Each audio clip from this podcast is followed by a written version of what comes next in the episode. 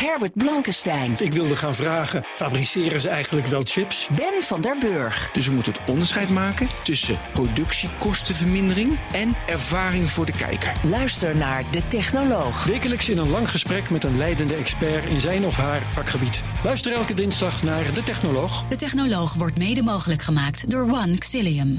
One Xilium. Building Delight. De column van Marianne Zwagerman.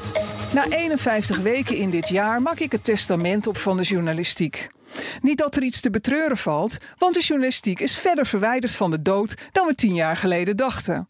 De Amerikaanse mediaprofessor Jay Rosen twitterde een overzichtje van het aantal journalisten dat voor de New York Times en de Washington Post werkt. Bij de New Yorkse krant steeg het aantal journalistieke FTE's van 1100 in 2014 naar 1500 in 2018.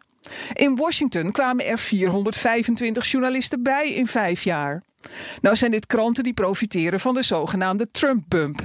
Maar ook onze Nederlandse de correspondent haalde bij de lancering in Amerika deze maand ruim 2,5 miljoen dollar op van toekomstige lezers. Het stemt hoopvol. Toch zou ik de journalistiek nog een aanwijzing willen geven voor 2019. De grote stromen Afrikanen die onze kant op zouden willen komen, zijn het vuur onder dagelijkse verhitte debatten. Mede door de spanning die de opname van grote groepen mensen uit het Midden-Oosten al geeft in Europa.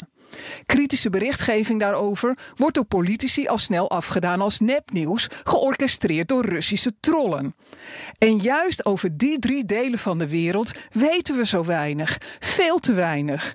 Bram Vermeulen doet voor NRC en de NOS samen met maar één collega verslag van de 54 Afrikaanse landen, vanuit het meest zuidelijke puntje van het enorme continent.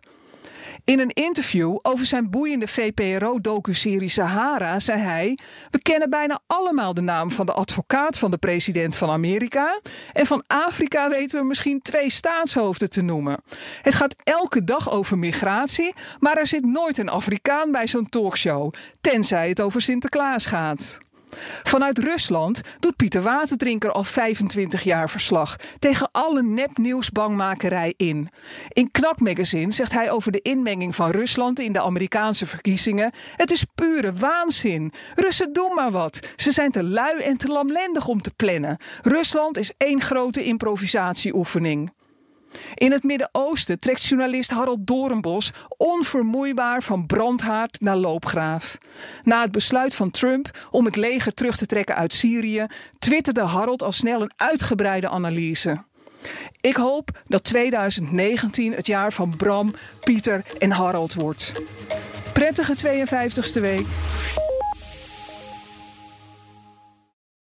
De Nationale Autoshow. i5, Porsche Taycan, BMW iX Ja. vind ik ook wel aardig. Mercedes E EQE. Meindert en Wouter. Het is gewoon een merk waarvan je niet weet of het over twee, drie jaar nog bestaat. De Nationale Autoshow. Elke vrijdag om 3 uur. De Nationale Autoshow wordt mede mogelijk gemaakt door Van Mossel. Van Mossel, voor mobiliteit voor iedereen.